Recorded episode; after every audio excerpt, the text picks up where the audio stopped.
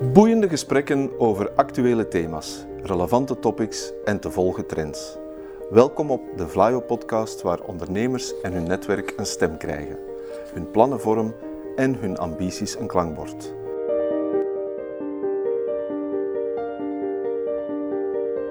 To the point waar het kan, dieper gravend waar het moet. Inspirerend, informerend, ondersteunend. Van artificial intelligence, blockchain en circulaire economie tot digitale zorg. Wij knopen het in jouw oren.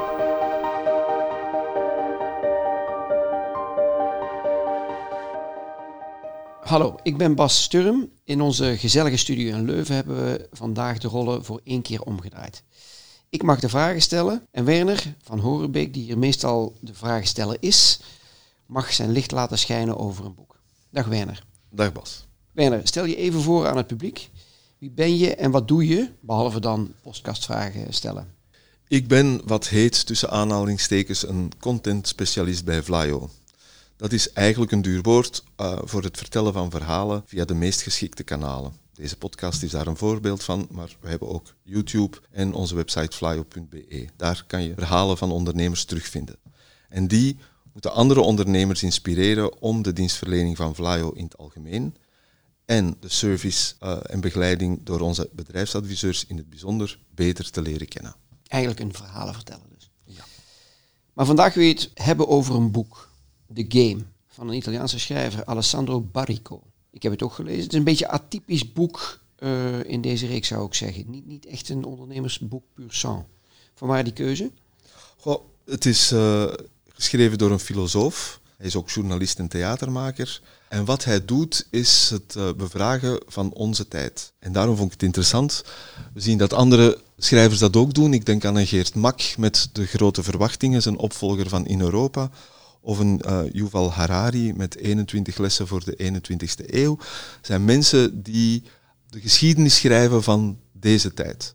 Of dat proberen te doen en daar op allerlei uh, moeilijkheden botsen en mogelijkheden zien. En dat vind ik fascinerend en ik denk dat je daar inspiratie kan uithalen, ook als ondernemer, om te zien wat is er de voorbije tijd gebeurd en waar gaan we met z'n allen naartoe. En in die zin vond ik het wel in deze reeks passen.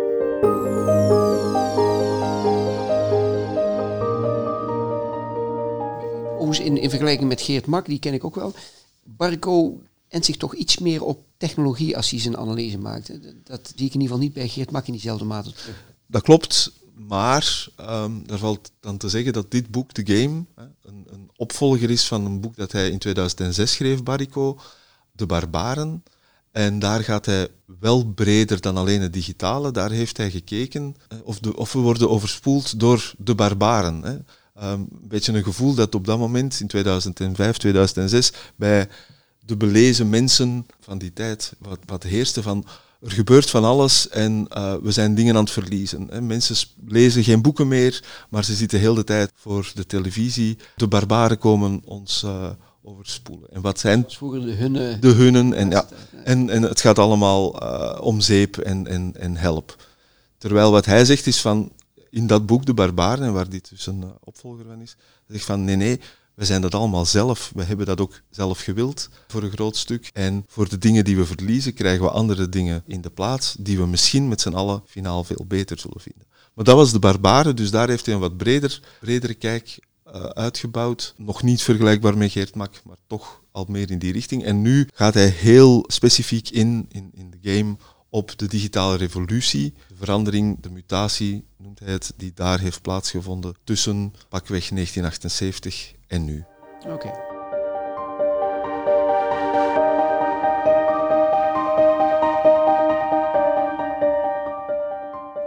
Oké, okay, waar gaat het boek precies over?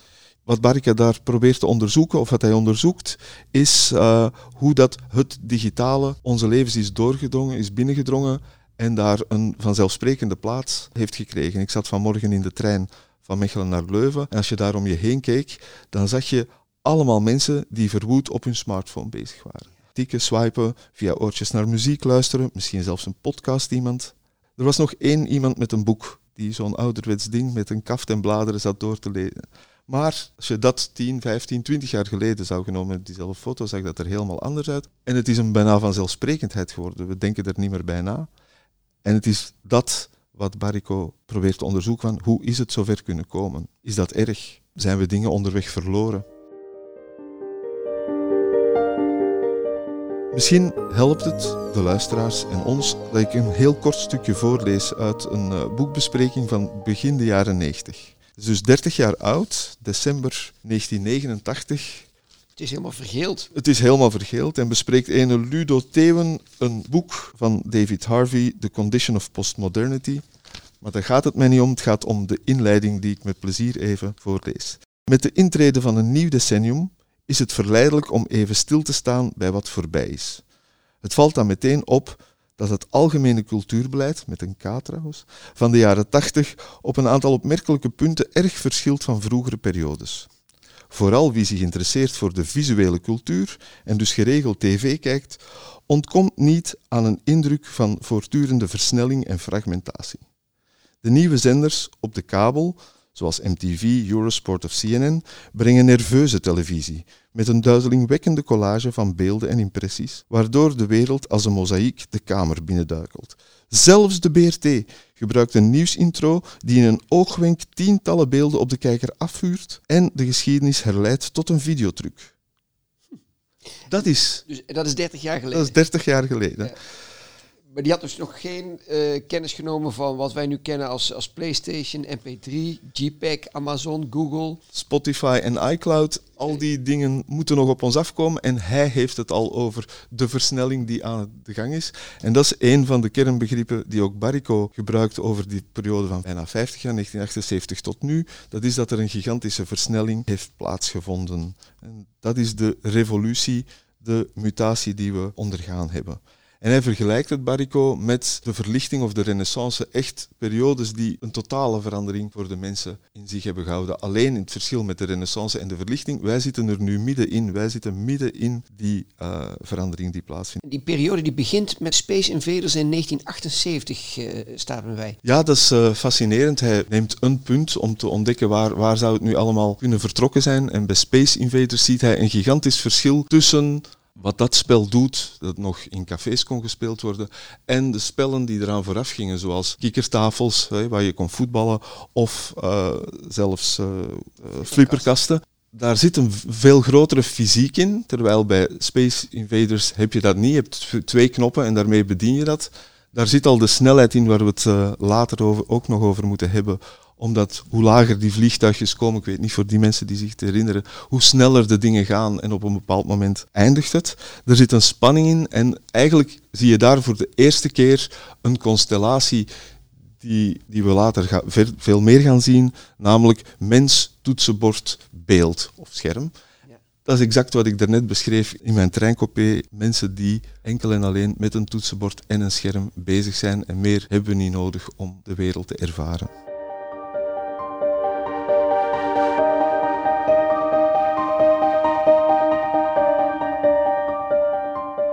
Je vertelde nog iets over een, uh, vooral over een anekdote uit Japan over uh, de verslaving die we op een gegeven moment aan dat spelletje had. Hè? Dat klopt. En daar, daar zie je ook van hoe makkelijk we erdoor verleid zijn om daarin mee te gaan. Voor het spelletje in Japan had je één specifiek muntstuk nodig, het 100 yen stuk. En dat is na twee, drie maanden moeten bijgemaakt worden, omdat het allemaal in die machine ging. En er waren op een bepaald moment geen 100 yen stukken meer over in de maatschappij. Dus dan zie je hoe snel dat zoiets geadopteerd wordt door de mensen. En eigenlijk is dat een, een vooruitwijzing op wat er dan nog moet gaan gebeuren, want we zijn nog maar 1978. Dat betekent onze neiging tot verslaving. Er passeren nog een paar andere belangrijke data de revue. Hij noemt 1990 eh, en 2007. Kun je ons geheugen wat opfrissen daarover? Ja, klopt.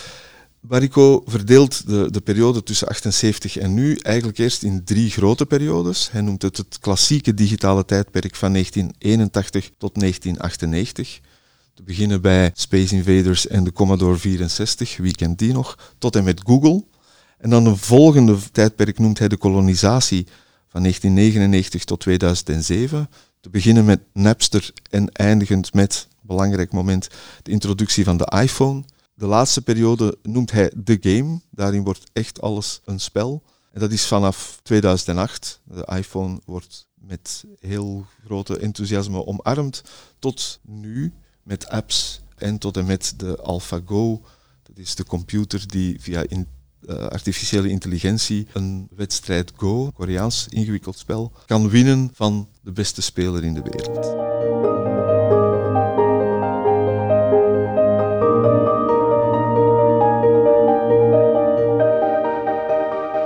De werkwijze van Barrico bestaat erin dat hij in de eerste hoofdstukken die periodes helemaal analyseert van jaar per jaar. Wat is er gebeurd? Welke momenten zijn belangrijk? En dat hij vervolgens daar commentaren op geeft in de zin dat hij vertelt van wat betekent dat nu voor ons mensen of wat heeft dat betekend? En dus 1990 is zo'n belangrijk moment, want dan is de eerste webpagina ontstaan en het idee van het World Wide Web kan je daar embryonaal bekijken. Het is trouwens zo dat je die eerste, allereerste pagina nog kan terugvinden. Het is wel de moeite om die eens te gaan bekijken, omdat je daar echt zo een beschrijving krijgt van wat het World Wide Web zou, zou moeten gaan worden. Dat is de eerste keer dat je een webpagina hebt, dat je hyperlinks hebt en dat je een verdeling hebt over de hele wereld. Een soort van curiositeit. Curiositeit. 2007 was een ander schakelmoment. Daar gaan we het uh, misschien ook nog uitgebreid over hebben. Maar dat is eigenlijk het moment waarop Steve Jobs de iPhone voorstelt. En alleen dat al terugbekijken, ook dat filmpje kan je nog altijd terugbekijken, is de moeite waard. Niet alleen omwille van het enthousiasme van het publiek in de zaal, maar dat is typisch, maar de, het gemak waarmee hij iets toont. Er zijn geen features en benefits meer, er zijn alleen maar bewegingen en wat je er allemaal mee kan doen. Het is een tool, het is een werkinstrument en dat laat hij met heel veel plezier zien. Ja, met, met, met een ongelooflijk gebruiksgemak. Hè? Ja. Ik denk dat dat eigenlijk het onderscheidende is, is ten opzichte van voorgaande displays en, en, apparaten. Het staat me bij dat Barrico eigenlijk ook nog aangeeft dat er in de diepte veel meer gebeurt. Dingen die mogelijkerwijs eigenlijk nog belangrijker zijn dan die data op zichzelf. Ja, dat is inderdaad zo. En dat is eigenlijk waarom ik het boek echt fascinerend vind. Dat is omdat hij eigenlijk wat we tot nu toe aan het doen waren bij het bekijken van die digitale revolutie, echt op zijn kop draait. Wij kijken altijd van die spelletjes voor onze kinderen, zijn die wel zo goed? Zijn we niks aan het verliezen? Verliezen we voor de oppervlakkigheid die we krijgen en de veelheid aan informatie, verliezen we geen diepgang en hoe erg is dat? Hij draait het om en hij zegt van ja, maar we hebben dat eigenlijk wel allemaal gewild, dus we moeten ons de vraag stellen, waarom hebben we dat gewild? Het is dat dieper graven dat toch, je hoeft het niet met alles eens te zijn, ik ben dat op zijn minst, ah, ik ben dat zeker ook niet. Maar het is wel interessant om zo'n kijk eens te krijgen op waarom wilden we dit? Hè?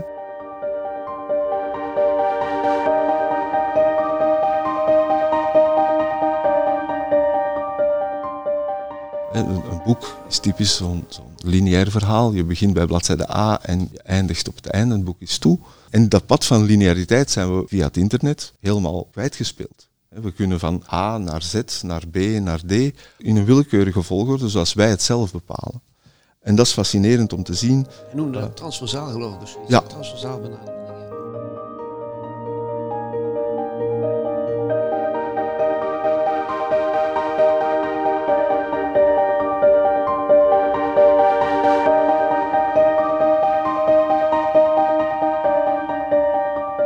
Waar hij, waar hij hamert is van, we hebben dit eigenlijk gewild. En we zijn er makkelijk in meegestapt omdat het ons een aantal voordelen bood ten opzichte van wat er was. Ja, je zegt mentale revolutie. Kun je daar iets meer over zeggen? Want het beeldt zich af in Californië, geloof ik. Dat is, dat, is, dat is zijn punt. Hij zegt van eigenlijk is het begonnen als een, de digitale revolutie is begonnen als een opstand tegen het systeem. Het systeem was Amerika op dat moment, dat de Vietnamoorlog aan het uitvechten was. Een aantal mensen die er tegen waren, gingen wat marihuana roken of gingen in een commune. Maar er waren ook 1, 2, 3 mensen die zich helemaal terugtrokken in hun garage, letterlijk. Zowel Bill Gates als uh, Steve Jobs hebben dat gedaan, om iets te maken dat dan het, het hele systeem zou omverwerpen. Ze wilden dingen die op dat moment belangrijk waren, helemaal anders. Dus het ging heel hard over grenzen, Koude Oorlog woedde volop, Rusland tegen Amerika. Overal waren er grenzen en eigenlijk wilden ze een manier, en dat is het World Wide Web geworden, dat grenzen doorbrak en dat uh, mensen zou helpen om betere inzichten te krijgen. Dat was de doelstelling, niet zo bewust geformuleerd, maar dat is wel wat er volgens Barrico toch gebeurd is. Het is ook het moment waarop dat er aan individualisme gedacht wordt, op de, de bevrijding van de mens. De personal computer is daar het meest sprekende concept voor. Het was echt de, de ambitie van zowel Bill Gates als van Steve Jobs om elk individu zijn eigen computer en dus ook zijn eigen toegang tot het internet te geven. want dat was niet vanzelfsprekend in de periode daarvoor. Hè. Ik herinner me dat, dat ooit iemand zei van ja oké, we hebben nu één of twee computers, er is plaats voor vijf en daar blijft het dan bij. Maar zij hadden echt dat idee van uh, personal computer. En het belang daarvan is dat, en dan zie je waarom het een, een revolutie is en een opstand, dat is dat die personal computer er ook mee voor zorgt en zal zorgen dat de elites op dat moment, universitaire campussen, de macht, dat die afbrokkelt. Hè. De vakbonden, omdat mensen zelf dingen kunnen achterhalen en niet meer moeten luisteren naar sprekers die van op de kansel de waarheid vertellen. Je kan het zelf namelijk beginnen uitzoeken. Ja, want hij, hij spreekt over massa-individualisme. Ik denk dat dat aansluit op wat je net zei. Ja. Er zal geen plaats meer zijn voor, voor werkelijke zuilen van, van stromingen, zeg maar. Je, je kunt gewoon steeds uh, ja. meerderheden vormen op het moment zelf. Ja, Misschien dat je er iets meer over kunt zeggen. Belangrijk om weten is dat je doorheen het hele boek, met uitzondering van het laatste hoofdstuk, Barico ook geen, geen standpunt inneemt. In de zin van, het is een, objectief, een zo objectief mogelijke beschrijving wat er gebeurt. Hij juicht niks toe of hij is ook niet aan het doemdenken over hoe erg is dat allemaal. Want dat massa-individualisme heeft zowel een positieve kant, dat is wat ik daarnet beschreef. Mensen bevrijden zich door middel van de computer van de grote kerken, of dat nu politieke systemen, vakbonden, ideologieën zijn. Aan de andere kant zie je, dat kan je ook eerder negatief uh, bekijken, zie je andere bubbels ontstaan. Hè. Dus dat zijn de bubbels waar we het vandaag met de sociale media over hebben, waar mensen blijven zitten in hun eigen gelijk. Daar heeft hij het ook over. Dus aan de ene kant heeft het iets bevrijdends. Aan de andere kant, dat is waar dat we nu zitten, heeft het toch ook iets wat, waar we vraagtekens bij kunnen of moeten zetten. Waar we in geslaagd zijn met het World Wide Web, is om naast de realiteit van vandaag een parallelle wereld te maken waar we, en dat is wat dat de iPhone dan doet, heel snel en heel makkelijk via een paar bewegingen met onze hand van de ene naar de andere kunnen gaan. En eigenlijk ontstaat er op die manier een, een soort dubbelhard noemt hij het. En dan zie je dat de huidige generatie, de post-Google mensen, daar helemaal geen probleem mee hebben, terwijl dat de mensen die van voor de tijd van het Google-algoritme zijn, daar toch wat vragen bij stellen. Wat zijn die twee werelden, de combinatie van de twee, die, die het sterk maakt. Hij, hij geeft ook aan ergens dat, dat dus, uh, de verschrikkingen van de 20e eeuw niet meer mogelijk zijn. Denk aan, aan de, de massavernietiging van, van de Joden in de Tweede Wereldoorlog. Uh, maar ook het Manhattan-project, uh, waarin ze van de Verenigde Staten samen met Canada atoombom ontwikkelen. Hoezo is dat dan niet meer mogelijk met die nevenwereld? Omdat er een, een grotere vorm van transparantie ontstaat. Dat is het, opnieuw het positieve. Je hebt dan fake news, maar dat noemt hij de snelwaarheid. Snelwaar, de snelwaarheid, dus tijdelijke waarheden die dan even daarna worden teruggecounterd. Dat is dan eerder negatief, maar dat is wel wat er gebeurt. Het is allemaal veel bereikbaarder voor veel meer mensen, waardoor het veel moeilijker zou zijn, zo niet onmogelijk, om zoiets geheim te houden of uh, we hebben het niet gewust effect te, te, te creëren.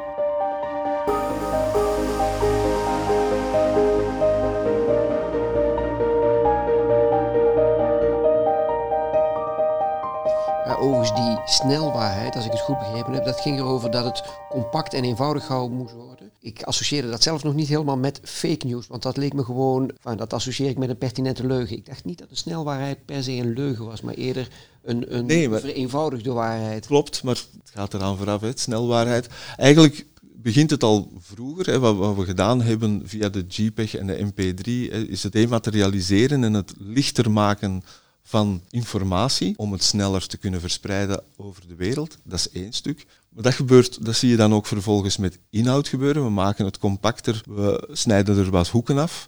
Ja, de volgende stap is dat eender wat waar kan zijn. Maar dat is mijn interpretatie misschien van het.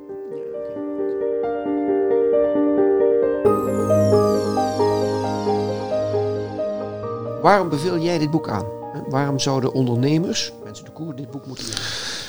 Omdat er heel duidelijk volgens mij lijnen worden getrokken die een richting aangeven waar dat naar, naartoe zal gaan. En dat je, als je nu met innovatie of verandering of met nieuwe ideeën bezig bent, dat je best die eens even kan aftoetsen met die richtingen die jij aangeeft naar versnelling, naar beweging.